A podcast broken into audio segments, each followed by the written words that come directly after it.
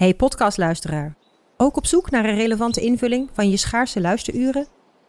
Tune dan in op de podcastserie ESG, even samengevat van BNP Paribas. Wij, Marloes en Aldert, spreken daar duurzame voorlopers en wereldverbeteraars. Waarover dan? Nou, bijvoorbeeld of we ooit duurzaam kunnen gaan vliegen. En waarom koeien in de stad nou een goed idee is?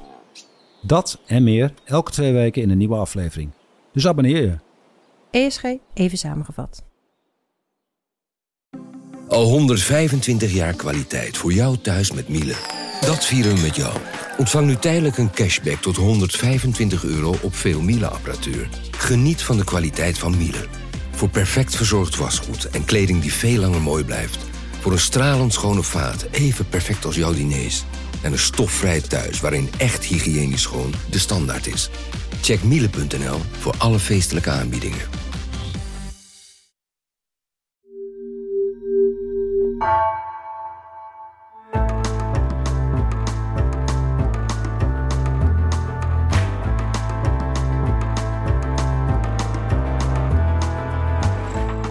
Welkom bij het Uur. Hij is een van de belangrijkste onderzoekers van het slavernijverleden. Houdt zich er al decennia mee bezig.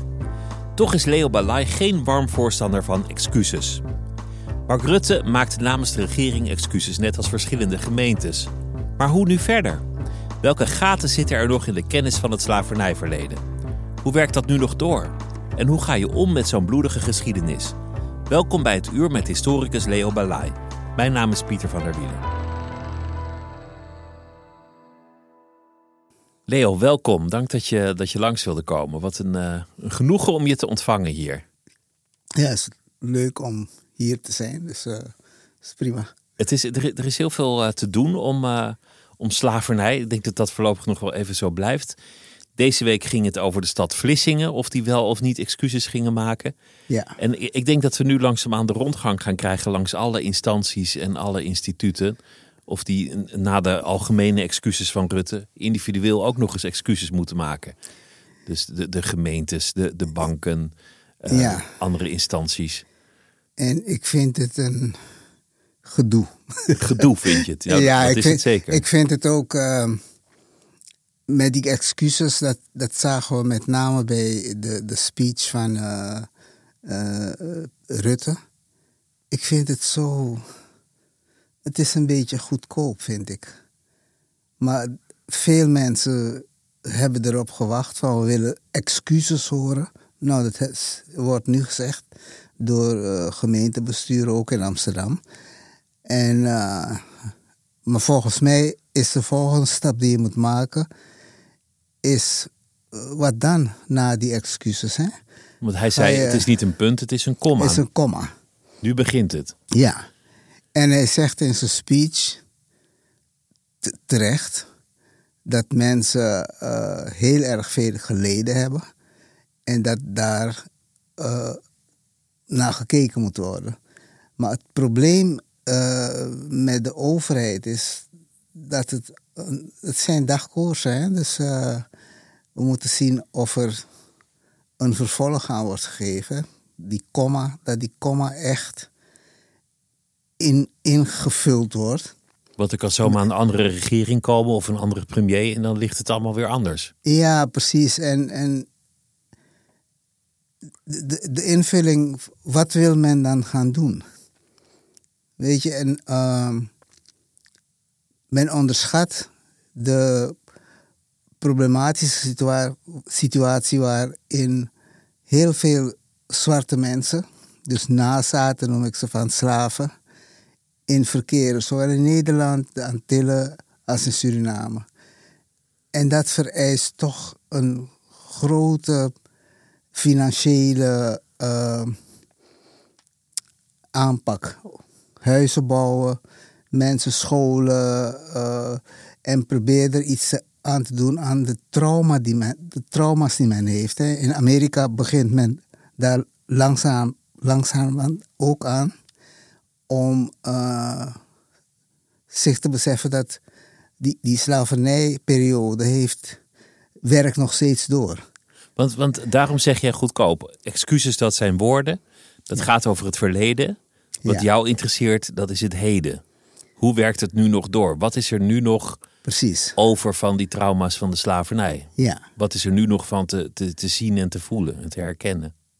Ja, want je hebt, je hebt een deel van die, eh, die slavernij heeft zich uitgekristalliseerd in gewoon rassendiscriminatie. hè. Eh, zwarte mensen die zo moeilijk een plek in de samenleving kunnen vinden. Deels omdat ze slecht opgeleid zijn, maar voor een deel ook omdat ze gediscrimineerd worden.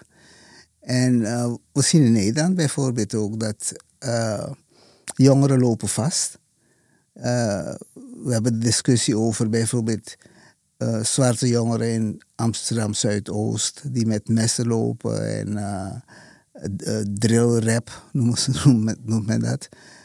Dat is een heel gek verschijnsel dat je als twaalfjarige met een eh, bijna een kapmes, want die dingen zijn 20 centimeter lang en 30 centimeter, dat je daarmee rondloopt, dat, dat is niet normaal. En dan kan de overheid in Amsterdam zeggen van we bieden excuses aan over het verleden. Maar ik zou zeggen, kijk nou wat er in die samenleving gebeurt met eh, deze groep. Hè. Ik, ik focus me heel erg op die zwarte jongeren die helemaal vastlopen. En ehm, dat men daar toch iets probeert voor te doen om ze verder te helpen. Want is dat een. Zie, zie jij echt zo'n lijn tussen de slavernij en die positie van achterstand van, van mensen met een donkere huidskleur op heel veel plekken in de wereld?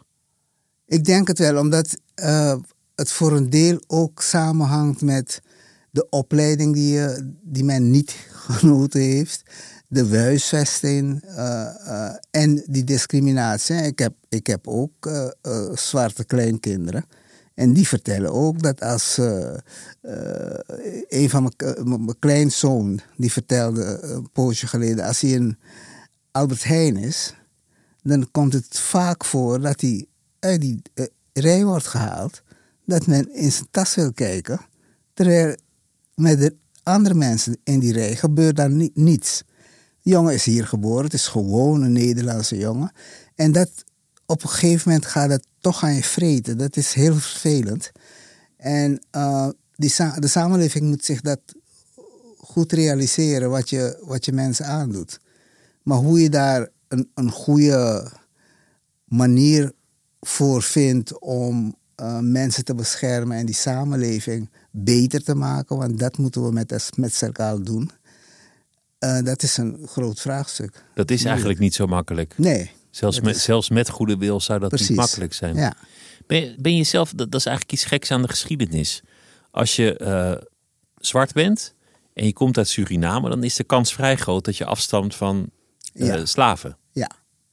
Dat is, dat, met, met heel veel anderen aan mij of aan ieder ander zou je niet meteen kunnen zien wat de familiegeschiedenis Nee, is. precies. Ja. Maar, maar als iemand eh, ja, zwart is en in Noord-Amerika woont of in Suriname of op Haiti, dan, dan weet je eigenlijk 90%, wel eh, 90% kans. ja, dat je daar kom je van een slaaf bent. Ja, van slaven bent. Zo, zo tastbaar is de geschiedenis al. Ja, omdat het zo kort geleden is. Hè? We gaan nu eh, in dit jaar 160 jaar afschaffen van de slavernij eh, eh, herdenken. Maar dat is, dat is echt heel erg kort geleden. In termen van geschiedenis is dat Van- recent. geschiedenis van, van mijn, gro- mijn grootmoeder die is in 1900 geboren. En die had van haar moeder ook nog eh, verhalen over haar grootmoeder. Want haar moeder is in 78, eh, eh, 1878 eh, vrijgemaakt.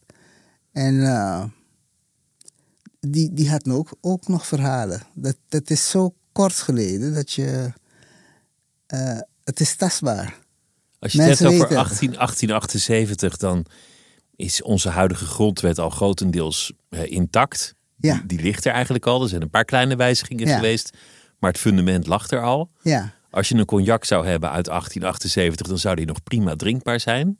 ja dan ben je ook... eh, Z- Zal wat duurder zijn, maar hij, hij zal nog smaken. ja, ja, Het is tastbaar verleden. ja, En in jouw geval is het dus de, eh, de grootmoeder van, jou, van mijn oma. van jouw ja, oma. Ja. Je bed over haar, haar moeder, ehm, die was in. ehm, die is 18, 1877 is eh, geboren. Dus haar moeder was eh, een slavin. En die is in 1863 vrijgemaakt. Maar die, die, die discussie over eh, de slavernij is heel erg ingewikkeld. Hè? Dat je, eh, om erachter te komen hoe het nou precies zat, dat is heel erg lastig. Ik ga je een voorbeeld geven. Er is de laatste tijd wordt er veel gepraat over slaafgemaakten. Een, een term die je bijna niet kunt uitspreken. Omdat iemand op een gegeven moment gedacht, bedacht heeft... we gaan het niet meer over slaven hebben, maar over slaafgemaakten. Want iemand is geen slaaf, iemand is slaaf door een ander. Dat Ja. is de redenering. En het probleem is dat in die Surinaamse samenleving... had je een heleboel mensen die de status van slaaf hadden... maar geen slaafgemaakte waren. Want men, de, de, de, de, de omschrijving van een slaaf is iemand die totaal eh, onderworpen is aan een ander, zijn eigendom is. Maar in Suriname had je op een gegeven moment gezinnen waar sommige leden van het gezin de status van slaaf hadden omdat ze niet vrijgemaakt waren, omdat dat geld kostte. Dat had, had men, ik had dat in mijn familie ook. Eh, Albert Heintje Balingen, dat vertel ik ook in dat NRC-verhaal. Die is tot het einde, is hij, had hij de status van slaaf. En mijn bedbed overgrootmoeder, zijn moeder dus, die heeft toen bij de vrijmaging om 1863, heeft die 300 gulden voor eh Heintje Albert ontvangen Want de omdat eigenaar zij de eigenaar was van die slaaf. Terwijl het gewoon haar zoon eh, was. Die was shower en was... Maar die had de status van slaaf. En hij was geen slaafgemaakte. Hij was gewoon... Hij had de status van slaaf, maar niet slaafgemaakt. En dat... eh, eh, het lastige van telkens in termen willen veranderen... is dat het niet duidelijker wordt. Hè? Het is, eh, hetzelfde als die discussie over 1873. Er zijn mensen die zeggen: nee, de slavernij werd pas in 1873 afgeschaft. Omdat de mensen nog tien jaar eh, verplicht waren op een plantage te werken of een baan te zoeken. En dan denk ik, mensen, er is gewoon een wet waar je kunt lezen dat die slavernij in 1863 af, werd afgezet. In die wet staat ook hoe dat staatstoezicht is geregeld. Niet iedereen hoefde te werken, alleen een groep tussen 15 en, en 60 jaar staat in die wet. En dan roept er iemand plotseling. Ja, die slavernij werd pas in 1873 afgeschaft. Omdat ze- er, omdat er worden buttons gemaakt. Ja, er worden buttons gemaakt. De, de, eh, de, de burgemeester van Amsterdam die loopt dan met zo'n button 1873 eh, rond. En dan denk ik van, mevrouw, je hebt toch ambtenaren die het even kunnen uitzoeken voor je. Dan loop je, je loopt gewoon voor, voor joker als je met die buttons van 1873, als, alsof toen die slavernij werd afgeschaft. En dat is gewoon niet, niet Nou, dat, dat, is, dat vind ik wel een interessante discussie, want die complexiteit is natuurlijk interessant. Heel erg. Want, ja. want je kan zeggen, eh 1860 werd het afgeschaft, maar 63, maar, ja. 63, maar strikt genomen veranderde er niet heel veel. Mensen bleven op die plantage werken, waren niet vrij om te gaan. Maar je kan ook niet zeggen dat het in de jaren 1870 ineens allemaal goed was. nee, je kan eh, zelfs niet zeggen dat het in 2023 allemaal goed is. Ja. Maar in, in die periode van staatstoezicht, wat men ook vergeet, is dat eh, een, een heleboel plantages die in 1863 nog waren, die waren binnen een paar jaar failliet. Omdat die eigenaren hun geld gecashed hebben en naar Nederland zijn vertrokken. Die hadden iets van, eh, bekijk het maar. Ik heb geen slaven meer, ik kan ze niet eh, uitbuiten zoals ik wil. Dus ik ga ervan. de- Dus een heleboel plantages die vielen om. En eh, het idee was dat de, de voormalige slaven op die plantages zouden werken. Ze hadden de vrijheid om te kiezen op welke plantages ze wilden gaan werken. Maar dat is natuurlijk eh, ook geen echte keuze als je uh, generaties lang op een plantage hebt gewerkt. Dan ga je niet zeggen van nou, ik ben nu vrij, ga een andere plantage zoeken om, om mijn baan te vinden. Dat, dat, zo werkt het niet. Dus het is een, het is een, een ingewikkelde periode, maar ik vind het ook heel erg interessant om na te kunnen gaan van wat gebeurde er nou? Je, Hoe zat het nou precies? Wat kunnen we echt te weten komen? Wat kunnen we echt te weten komen? En ook uh, het idee van sommige mensen dat je alleen witte slavenhouders had of alleen Joodse slavenhouders. Je had, je had ook gewoon zwarte mensen die slaven hadden. En je had ook hiërarchieën onder slaven, heb ik begrepen. Dat, dat sommige slaven hoger in status stonden dan ja. anderen. Ik ben nu met een, een, een, een boek bezig. Uh, waarin dit aspect ook aan de orde komt. Omdat er zo weinig over geschreven is. Je had, men noemde die mensen officieren of basha's. En moet je je voorstellen, je hebt een, een slavenplantage met 300 of 400 slaven. En één witte man die runde de zaak. Dat waren vaak één persoon die de leiding had als directeur of eigenaar van die plantage. En de, de, de schakel tussen die directeur of eigenaar van de plantage en de slaven was de basha. Was de, de officier, zie je sommige stukken, of de basha of de bastiaan zeggen ze soms. En die communiceerde met die directeur over het gedrag van de slaven. En die Basha was ook degene die ervoor zorgde dat sommige slaven gekastijd werden als ze hun werk niet deden. Dus die ging overleggen met de directeur van die slaaf moet morgen afgeranseld worden. Want terwijl, hij, die zelf formeel ook slaaf was. Hij is hartstikke zelf formeel, maar had een, een, een, een toppositie natuurlijk binnen die uh, slavenmaatschappij. En het, het lastige voor ons, zowel voor jou als voor mij, is om je in te leveren hoe dat nou werkte in de in praktijk. Hè? Want in sommige stukken zie je, ja, die Basja had zoveel, zoveel macht dat hij sommige slaven op pad stuurde om vis voor hem te vangen of te jagen. Of, uh, dus hij had een aantal van die mensen die voor hem uh, een, een kostgrondje, groente uh, kweekte en, en dat soort zaken. Want hij was powerful. Hij was, hij was de schakel tussen die slaven en, die direct, en de eigenaar. Dus hij had ook wel een comfortabele positie wellicht? Heel comfortabel. Dus hij was slaaf. En uh, wat, wat ook een rol speelde was de Basha, die, die, die, die Bastiaan of officier. Dat waren meestal mensen die op de plantage geboren waren. Dus geen nieuwe import. Men noemde de mensen die niet in Suriname geboren waren, noemde men zoutwaternegers. En die zoutwaternegers, dat, dat waren mensen die inderdaad net slaaf gemaakt waren. Want die kwamen in Suriname aan, kregen een brandmerk en werden door een slaaf, een plantage-eigenaar gekocht. Maar de mensen die al decennia op, op die plantage woonden en werkten en geboren waren.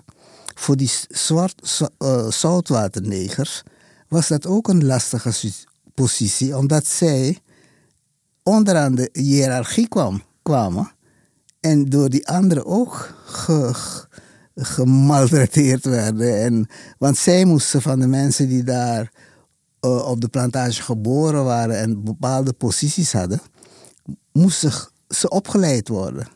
Dus je begrijpt hoe Want het beeld die dat samenleving, je... waar, die pla, uh, slaven samenleving was heel erg ingewikkeld. Want het, is, het beeld dat je altijd krijgt is de witte meester. En, en dan op, op de plantage werken alleen maar zwarte mensen die uh, in slavernij gehouden worden. Daar, daar zitten eigenlijk al veel schakeringen in. Veel schakeringen en, en ook uh, ik, ik, ben, ik ben lid van een ondersteuningsgroep voor uh, uh, Elisabeth Samson. Het is Elisabeth Samson Huis. wordt gerund of eh, gerealiseerd door Cynthia McLeod. Dat is een, een, een prachtig eh, huis in Paramaribo. Het is nu vervallen en, en moet gerestaureerd worden. Dus daar wordt geld voor gezocht.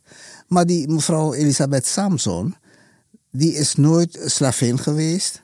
Zwarte vrouw met drie plantages. dat kan dus- ook. En dan hebben we het ook nog, wat dat is toch om het nog ingewikkelder te maken, over de vermenging van kinderen die verwekt werden ja. bij, bij vrouwen die in slavernij gehouden werden. Ja. Ja. En die kinderen werden soort van gezinslid. Met een iets andere status. Ja. Maar er ontstaan dus familiebanden. Ja, en, en dat, soms, ja. Soms. Ja. Dus, dat, dus dat maakt het nog ingewikkelder. Heel erg ingewikkeld, ja. Want wat is dan weer de status van uh, het kind dat daaruit is voortgekomen? Precies, ja. En ook, wat is de positie van... Uh, of de status van die, die moeder van dat kind? Hè? Is dat een, een wat we in Suriname noemen, een, een bijvrouw van de, de, die slavendirecteur of plantage-eigenaar? Is ze verkracht? Is het uh, op een andere manier uh, dat kind uh, verwekt?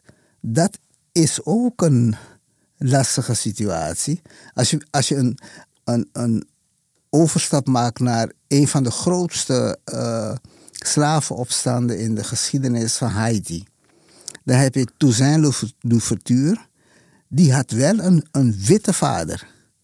Dus dat heeft hem, denk ik, zo dwars gezeten dat hij dan toch nog als, als, een, als, een, als een ding werd behandeld en, en geen rechten had. Tot hij, eigenlijk status had moeten hebben op basis van, van, van zijn voorouders, van, zijn voor, van zijn vader. Ja, dat zag je, zag je in, in Suriname ook met, uh, met mensen als uh, uh, Baron, Boni en Solikeur worden, worden ook genoemd in, in de speech van, van Rutte een deel van de mensen was ook halfbloed, zoals men het vroeger nam, zei. Mag tegenwoordig niet meer, je moet dubbelbloed zeggen of weet ik veel. En uh, dat geeft zoveel uh, wrok op een gegeven moment. Dat je, je vader is dus die eigenaar van die plantage. En jij bent nog steeds, heb je de status van slaaf. Dat is lastig. Dat is heel moeilijk om te functioneren. Hè? Want binnen die slavenmacht, binnen die slavengemeenschap, heb je dan ook weer een hele lastige positie.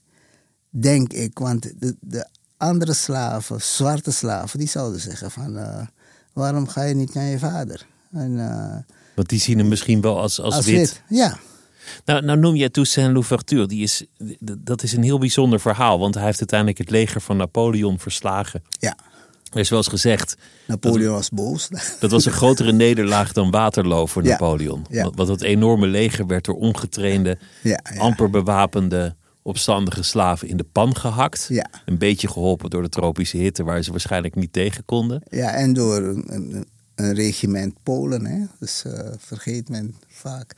Ja. Die, die deden ook mee. Maar dit is, dit is een van de weinige grote, succesvolle slavenopstanden uit de geschiedenis. Ja. En, en wat mij aanspreekt is dat je een keer niet de zwarte mensen in een rol van slachtoffer ziet. Nee, maar, in, een, in een rol van heldhaftigheid en, en moed. Ja. Dat spreekt me aan. Ja. Maar als je, als je kijkt wat er daarna is gebeurd met, met Haiti. Dat ze nog tot 1947 herstelbetalingen hebben moeten betalen aan de Fransen. Aan de Fransen. Miljarden. Ja. En de, de armoede op dat eiland dat komt daar gewoon vandaan. Uh, ja. En die is er nog steeds. Ja. Daar, daar zie je denk ik aan, de, aan dat voorbeeld zo duidelijk hoe het doorwerkt. Dat ze tot diep in de 20e eeuw gestraft zijn ja. voor hun wens om onder de slavernij uit te komen. Ja. ja. En wat ik ervan begreep is dat men uh, ook nog erg georiënteerd op Afrika is. Hè? Met voodoo en uh, de godsdienst, de, de Afrikaanse godsdiensten. En ik weet te weinig van het land, maar het verbaast me telkens dat ze niet in staat zijn die, die sprong te maken. Naar vooruitgang. En uh, als je berichten over Haiti hoort, is het altijd. Slecht triest. nieuws. Triest. En eh, ja, Maar de- Wereldbank heeft er huis gehouden. Eh, allerlei NGO's hebben er Ja. dubieuze praktijken op nagehouden. ja, De Amerikanen hebben het eiland bezet in de jaren 20 en Ja. 30 omdat die schuld niet werd eh, voltooid. ja, Daar een soort van slavernij ingevoerd. ja, En dit is maar één van die geschiedenissen van die vele landen ja, waar slavernij is geweest. ja. En, en jij had het over hoe het doorwerkt. Als je iets meer verdiept in die geschiedenissen, dan, dan is het volgens mij voor iedereen die redelijk is evident ja dat het, hoezeer eh, dat doorwerkt. Precies. Want je krijgt de verhalen of niet van je, van je, je, je, je ouders of je voorouders. En eh, in, in ons gezin bijvoorbeeld, eh, mijn moeder, die is, die is nu overleden. Maar als ik met haar sprak over slavernij en, en, en vroeger, dan zei ze altijd van, ach, laat die oude dingen toch rusten. Laat het toch achter je. Laat die dingen toch rusten. En dan probeerde ik haar duidelijk te maken dat het belangrijk is om het ook te weten. Niet om mensen eh, de- verwijten te maken, maar gewoon om, omdat je iets van je geschiedenis wil weten. Van hoe kan het nou dat een, een deel van de, eh, de mensheid op deze manier eh, ik noem het altijd kapot gemaakt is. Want op het moment dat mensen uit Afrika werden eh, ge- gevangen werden genomen of geroofd of wat dan ook. Op het moment dat je aan boord van een schip werd gebracht en gebrand, brandmerkt, was jouw verleden ook helemaal weg. Hè? Mensen hadden geen verleden meer, kan je eigenlijk zeggen. Geen cultuur, geen oorsprong. Nee, geen- omdat ze, ze, kregen een, ze kregen een nummer. En als ze het overleefden, die overtocht, werden ze nog een keer gebrandmerkt op die plantage. En eh, dan was het voorbij. eh, tien, tien jaar leven en dan gaan ze dood. En eh, werden er nieuwe gekocht. En daarom is het ook zo moeilijk om terug te vinden waar je vandaan kwam. Het is, mensen doen DNA-onderzoek, maar je komt niet ver, want je, je kan niet met zekerheid vertellen waar je voorvoorouders vandaan komen. Omdat je dat je kan gissen, want zoals, zoals Haiti heeft weten. Ja, voodoo, dus dat zou Benin kunnen zijn, want daar is, Precies. is voodoo Ja. groot. En ja, eh, Suriname wordt vaak Ghana gezegd, Ja. maar het zouden ook andere plekken kunnen zijn. ja zo ook eh, eh, Ghana, Liberia, Benin inderdaad. Benin is een... maar in, je hebt een poosje gehad dat de mensen ook uit, Angola werden gehaald. Hè? En, eh, dus het is, het is heel erg lastig om dat spoor terug... eh, Wa- waarom fascineerde dat jou zo als kind? We- Weet je waarom jij als, als, als jonge man door die geschiedenis gegrepen raakte? Omdat je op een gegeven moment. eh, je zit op school, je praat met. eh, ik woonde in, in, een, in een buurt, een, een, heel klein dorpje met lintbebouwing. Het heet Lelydorp. En een, een heel eh, etnisch gemengde buurt. Sommige eh, buren waren Hindoestaanse mensen, ja, Javaanse mensen. En, op school zat je ook met die mensen samen. En op de ene op andere, een of andere manier ga je je afvragen van hoe, waarom is dit land zo ingewikkeld? Weet je, je had vrienden uit verschillende groepen. En dat is het interessante van Suriname ook. Je had heel veel contact met elkaar. Op school. Of op straat. Vaak op de hoeken van straten met elkaar. Maar je kwam niet bij elkaar thuis. Dus Creoolse kinderen kwamen niet bij Hindoestaanse kinderen over de vloer. Omgekeerd ook niet, bij Chinese kinderen ook niet. Weet je, er zat een, die samenleving was zo ingewikkeld dat je je af gaat vragen van hoe, hoe zit het nou precies?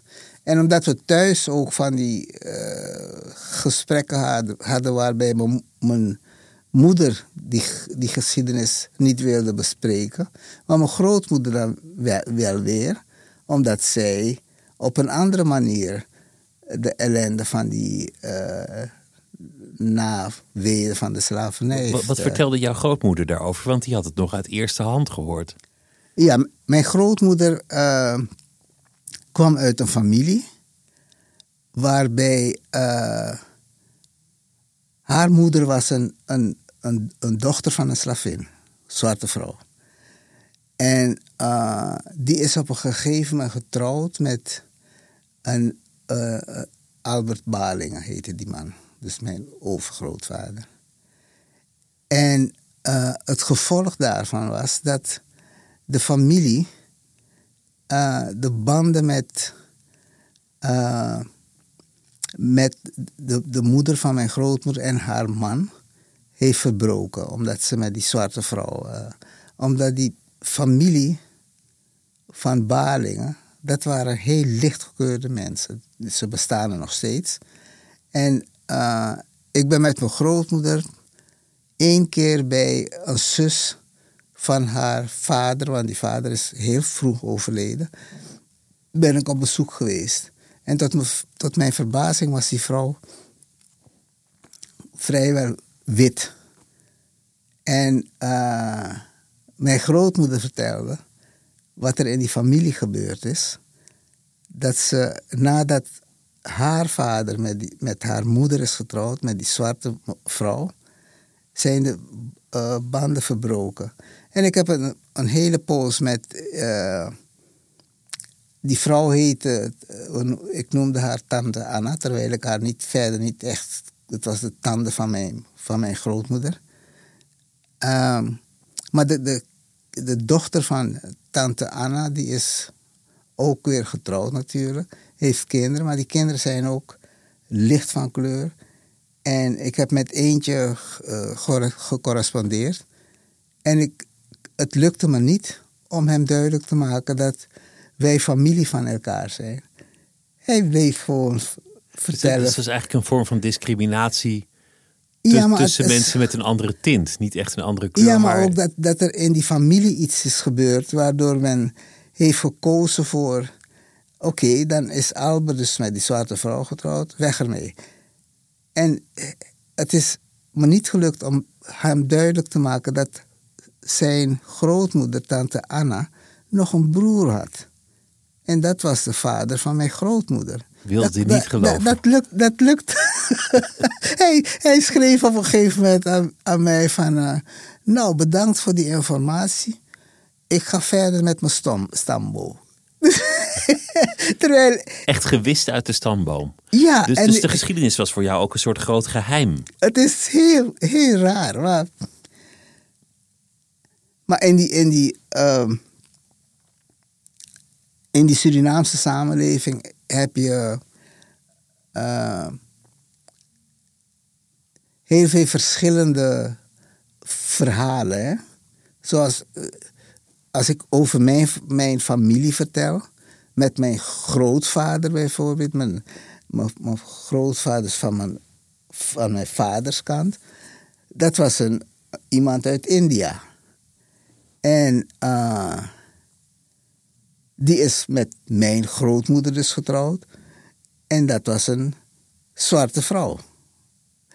En die hebben dus mijn vader en zijn uh, broers en zusters uh, verwekt. Maar als je dan nagaat van, oké, wie is die meneer Balai, mijn grootvader dus? Dan blijkt dat hij, zijn moeder kwam uit India. Maar hij is in Suriname geboren. Dus dan ga je op zoek naar die moeder. Van wie was dat? En waar kwam ze vandaan? En voor mijn pech uh, vond ik de moeder. Maar in het dossier staat alleen maar de plantage waar ze, uh, waar ze gewoond heeft, gewerkt heeft. En haar naam, Peremia. En verder niet wie haar man was en wanneer hij overleden is. En, uh, dus dan houdt het op. Daar, loopt het spoor dood. ja, want dan weet ik, uh, die moeder van mijn grootvader heette Peremia en ze kwam uit uh, India. En meer niet. Maar, maar is, maar, want je kan bent je niet vinden. Wist je, je eigenlijk vroeg al dat je historicus zou worden? Dat je zou gaan promoveren? En... Nee, nee, nee. Ik heb rechten gestudeerd en internationale betrekkingen. En want ik, ik kwam naar Nederland van ik ga belastingrecht studeren. En dan ga ik terug naar Suriname, want ik was daar uh, douaneambtenaar. En het beviel me niet. Dus ik dacht, weet je wat, ik ga... Omdat het hoofd van de douane had belastingrecht gestudeerd. Dus ik dacht, nou, moet ik ook kunnen. Maar, ik had geen goede vooropleiding. Dus ik moest hier naar het avondgymnasium en, uh, voordat ik ging studeren. En uh, mijn eerste jaar uh, belastingrecht was geen succes. Want dat boekhouden en die economische toestanden, dat... Het ging gewoon niet. Ik pakte dat niet goed. dus dat ging niet goed. En toen heb ik mijn kandidaats gedaan en uh, heb internationale betrekkingen en, en uh, in Groningen. Caraïbistiek. Nee, dat was in Amsterdam. In Amsterdam. Ik heb een, kort in Groningen gewoond. Werkte daar op een, op een hout, bij een houthandel. En, maar kon toen een baan krijgen bij Werkspoor Amsterdam op, op Wittenburg. En uh, een mooie baan was dat. En ik kon s'avonds, uh, dus naar de avondschool. Ik kon op het bedrijf uh, goedkoop eten en dat hielp wel. Dus het was een. Want je, je bent gepromoveerd op het slavenschip Leusden. Ja. volgens mij nog steeds de grootste scheepsramp uit de Nederlandse geschiedenis. Ja. Uh, dat is een, een, verhaal over een, een, schip waar brand ontstaat, eenmaal al op de rivier in Suriname.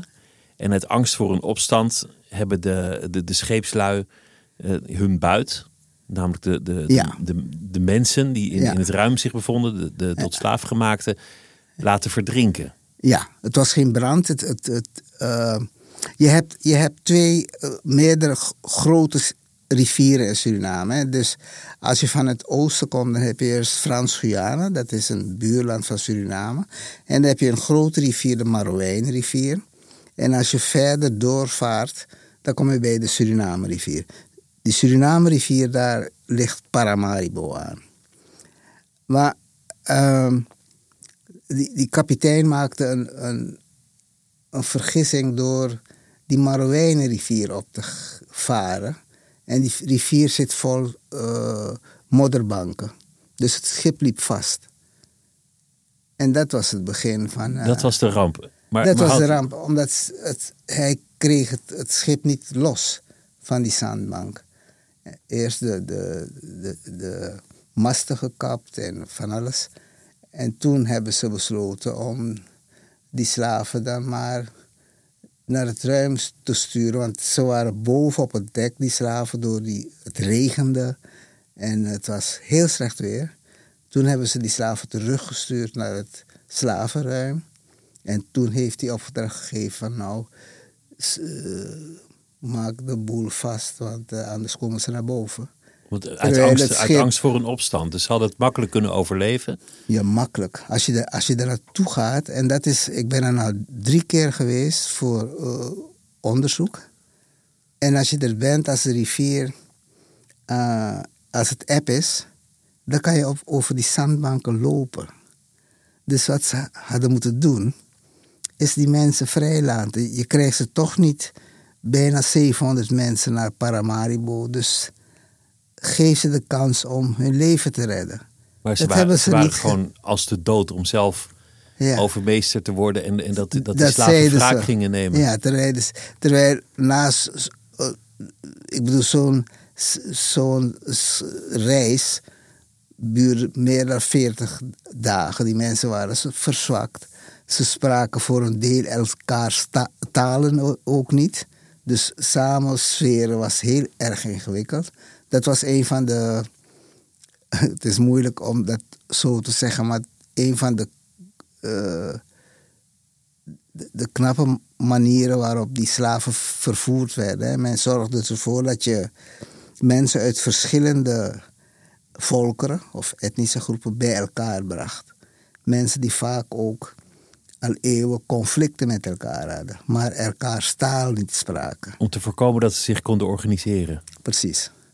Maar hoe, hoeveel mensen zijn er gesneuveld uh, bij de Leusten? 664. En zes, uh, 16 zijn uh, naar Paramaribo gebracht.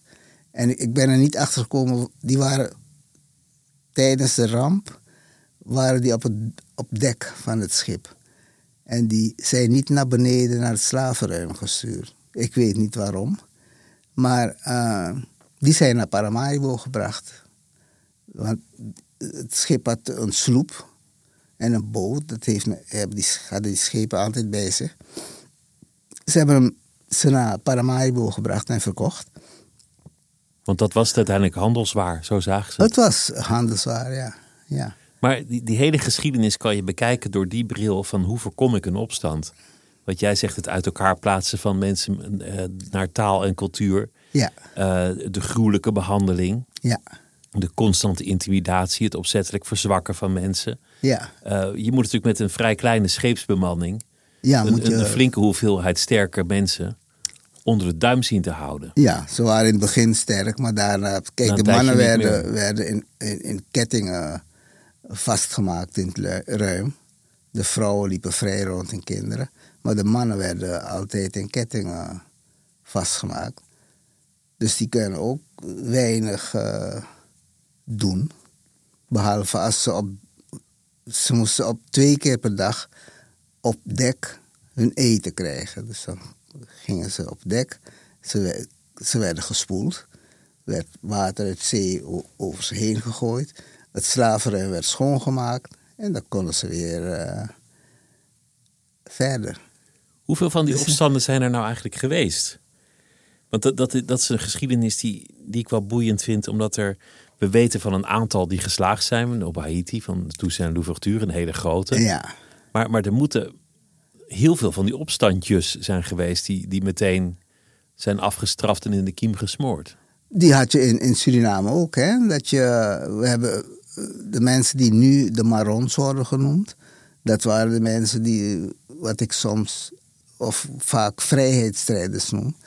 Die in opstand kwamen tegen die plantage-eigenaar en de overheid. En die dan later gevlucht zijn en uh, wat fout in. En ja, en eigen gemeenschappen hebben uh, zijn ze begonnen. Dus zij, dat zijn de mensen die uh, uh, het ge ge geprobeerd hebben. En het is ook voor een deel gelukt. We weten niet Zoals in, in Amerika heb je de, de Black Indians. Dat, dat zijn slaven die gevlucht zijn en zich bij de Indianen hebben aan, bij de Native Americans hebben aangesloten. En dat, dat zijn nog steeds gemeenschappen die dan zeg maar de twee culturen verenigen. Ja. Waar zitten eigenlijk nu de, de, de gaten in onze kennis over, over slavernij? Want, want, want er, er wordt steeds meer onderzoek gedaan. Ja. Er, er zijn een aantal heel goede en precieze archieven. Ja. Maar wat zijn eigenlijk de dingen die we niet weten, die niet onderzocht zijn? Welke grote vragen liggen nog open? Een, een deel van de, uh, de dingen die niet onderzocht zijn, zijn de dingen die. Uh, eigenlijk niet opgeschreven zijn. Hè? Ik las tijdens mijn promotieonderzoek een, eh, een boek dat heet uh, uh, Silencing. En silencing betekent dat je in archieven niet alles opschrijft wat uh, echt gebeurd is. Want degene die het archief maakt of de, de, de gegevens opschrijft, die maakt ook een keuze.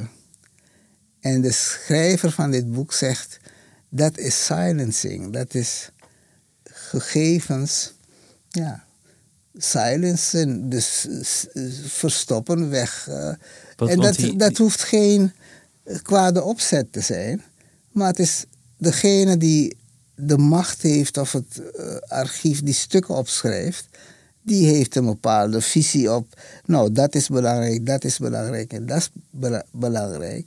En nu, nu we onderzoek doen, zitten die gaten erin en moet je je gaan afvragen van hoe zat het dan op precies? Weet je, ik bedoel... Wat is er niet opgeschreven? Wat, wat hebben, ze, niet, wat hebben ze niet in het archief gestopt? Ja, ja. Want ik vind, het, ik vind het heel wonderlijk. Nederlanders zijn enorm archief uh, aanleggende mensen. Schrijven alles op, houden alles bij, bewaren dat ook. Ja. Maar het is eigenlijk heel wonderlijk dat niet is gedocumenteerd hoeveel slaven er uit welk land zijn gevoerd naar welke plek. De, de, precieze samenstelling van, van de populaties, uit welk land waren ze nou afkomstig, dat, dat is eigenlijk iets waar we weinig van weten. Ja, wat we wel van weten is uh, dat heb ik eh, bij- mijn eh, promotieonderzoek gedaan met dat ene schip. Van hoeveel mensen zijn er nou naar Sint Eustatius vervoerd? En hoeveel mannen, vrouwen en kinderen waren er? Wat eh, waren hun leeftijden? Voor hoeveel eh, zijn ze verkocht? En zijn ze, ver, eh, ze werden gekocht op Sint Eustatius en werden vervolgens doorverkocht naar omliggende eilanden.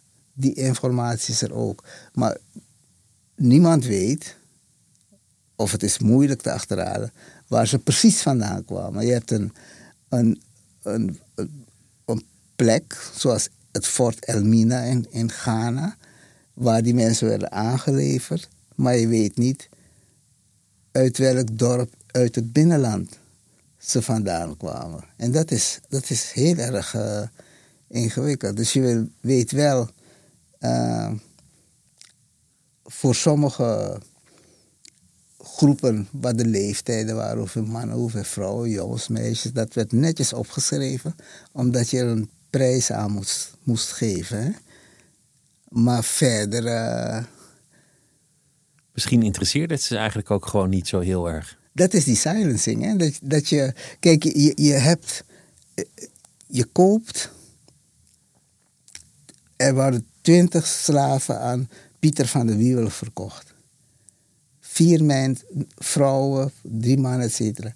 Wat degene die het verslag maakt voor in dit geval de West-Indische Compagnie, die schrijft jouw naam op, zegt hoeveel slaven je gekocht hebt, op welke datum en de prijs.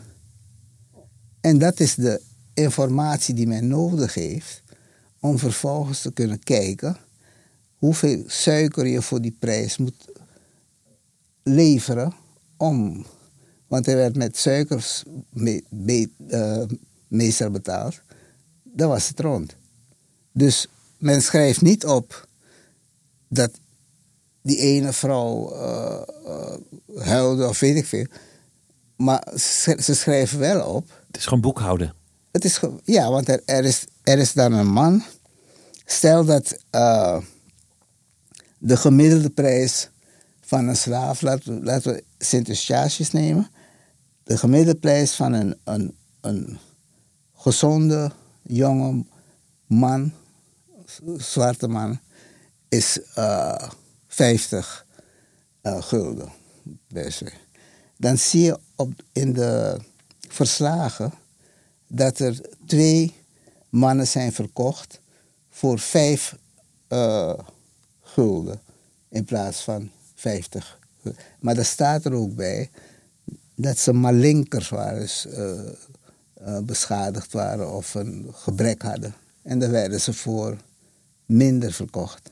En dat zie je wel in de verslagen. Wat dat betreft zijn die verslagen duidelijk. Dus, eh, je ziet gewoon hoe die mensen eruit zagen, wie eh kreupel was of een, een gebrek had. Maar het was, gewoon, het was gewoon totaal handelswaar en verder echt. Omdat je de prijs moet op, ja, de- je moet de niets. prijs opschrijven en dat de, de opdrachtgever, de West-Indische Compagnie, moest dat weten. Die, die, die, die zegt, oh, er zaten eh, twee eh, beschadigde slaven tussen. En dan wordt die kapitein natuurlijk in Amsterdam ter verantwoording. Hoe is het, je, hoe is het gebeurd dat er twee eh, beschadigde slaven aan jou, bij jou aan boord waren? En dan Heb je, heb je ooit een verklaring gevonden hoe mensen dit konden doen?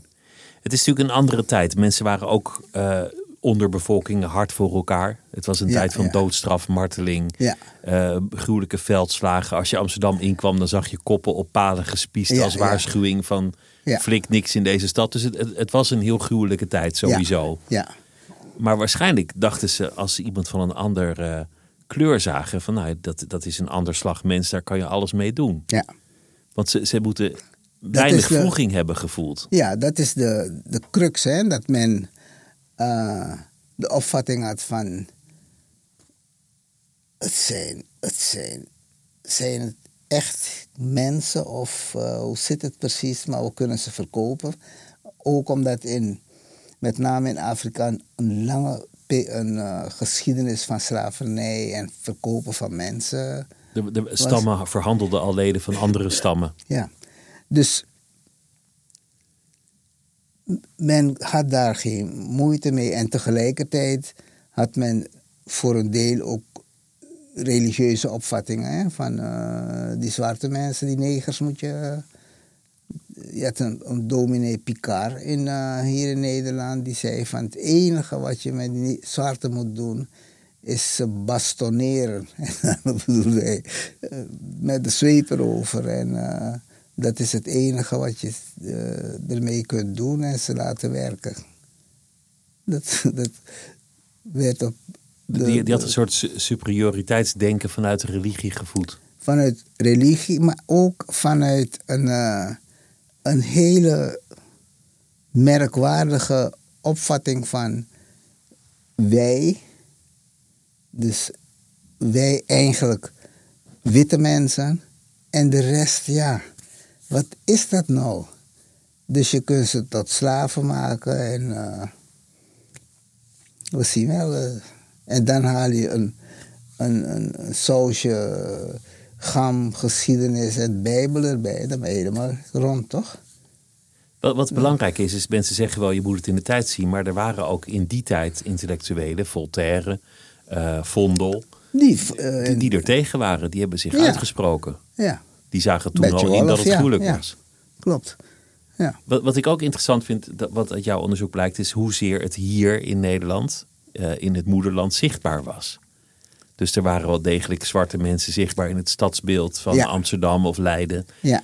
Uh, mensen waren heel betrokken bij die handel, waren precies op de hoogte van wat er gebeurde. Ja, ja. Het was niet iets dat over zee plaatsvond en wat Amsterdam niet bereikte, integendeel. Nee, omdat men ook hier, we zijn, we zijn hier op de, uh, op in de Nes. En uh, hier werden ook, uh, werd suiker verkocht uit de koloniën en uit die slavernij. Dus die schepen kwamen aan. Op Nes had je, de Nes was een plek waar je suiker kon kopen. En, dus, maar of, of de bevolking dat nou in zijn algemeenheid wist want je hebt weten en weten. Hè? Dus uh, men uh, zag wel zwarte mensen lopen. Er is een studie geweest naar zwarte mensen in de Jodenbreestraat in de buurt van uh, waar Rembrandt woonde. En, maar dat waren vaak mensen die uit, die, dat waren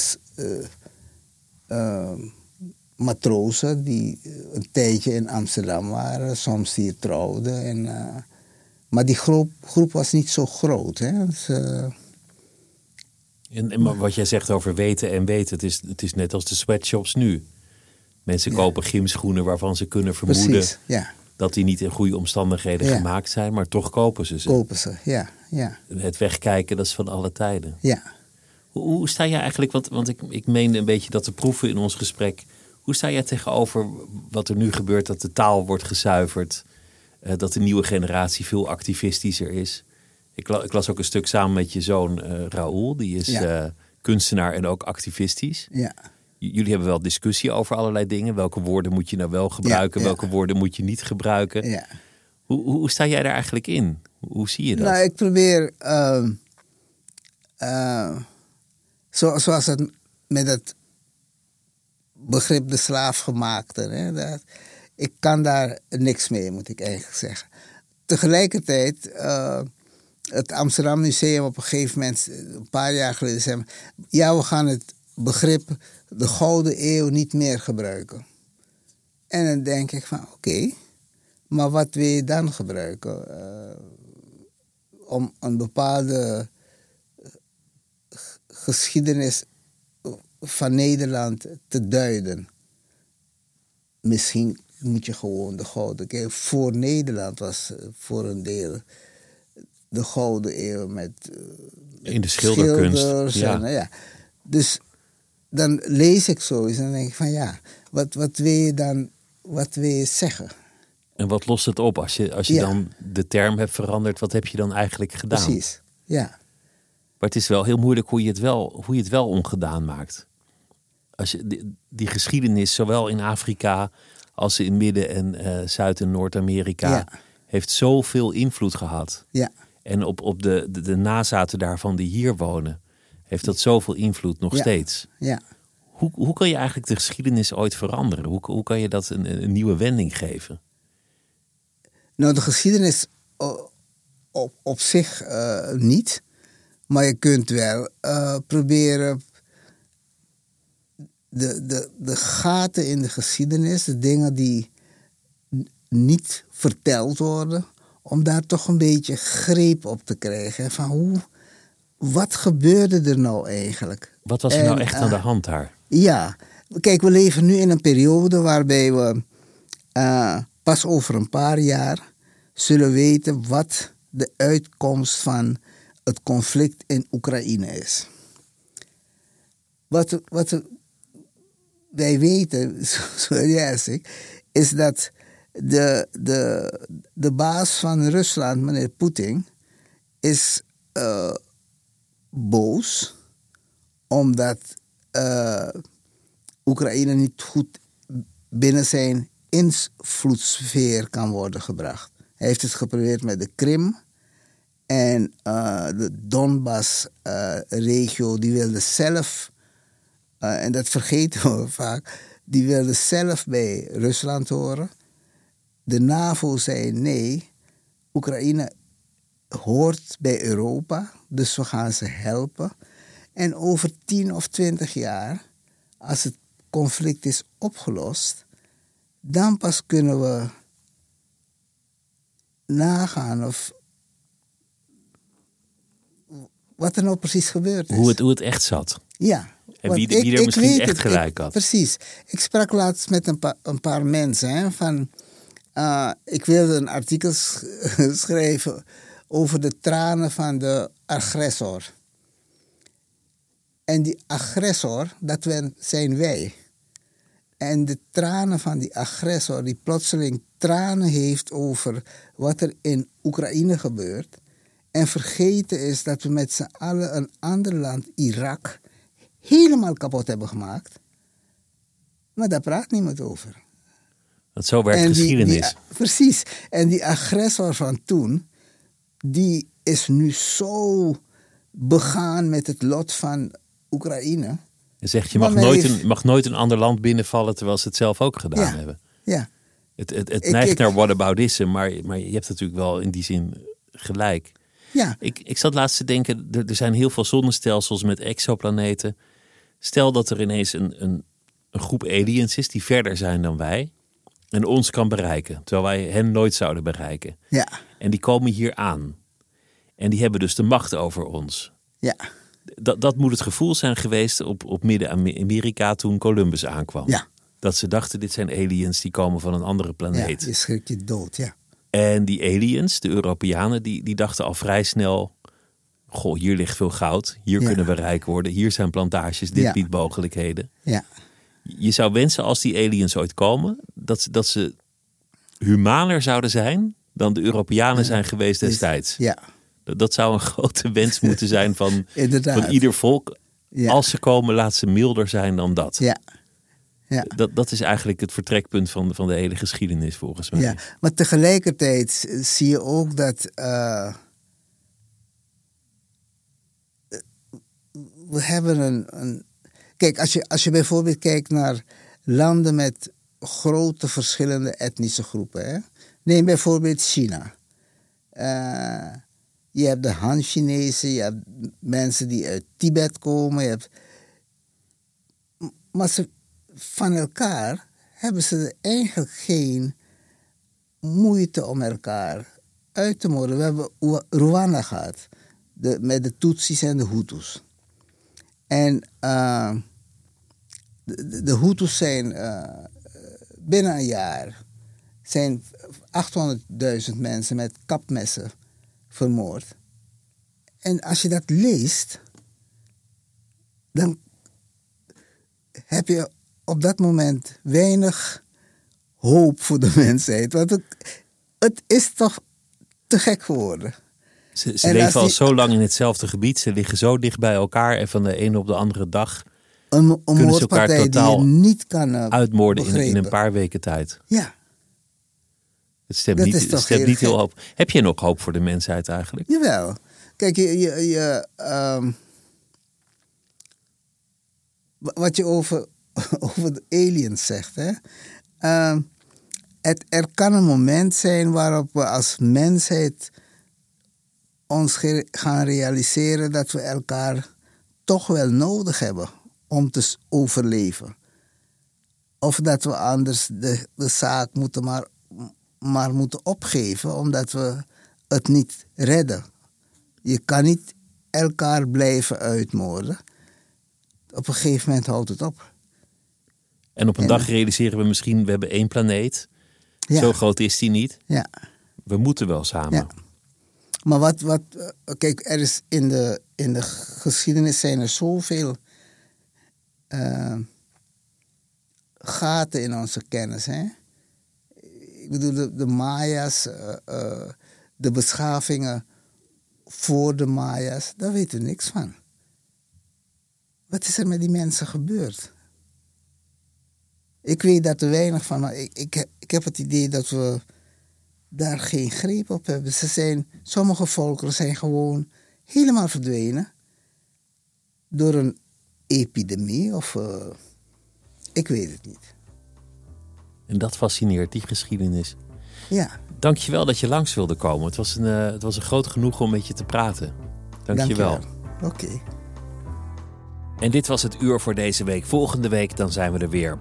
Het uur wordt gemaakt door uh, Bira Zeehandelaar. Productie Claire van der Woude en Celine Cornelis. En de chef van de audioredactie is Anne Moraal. Tot volgende week.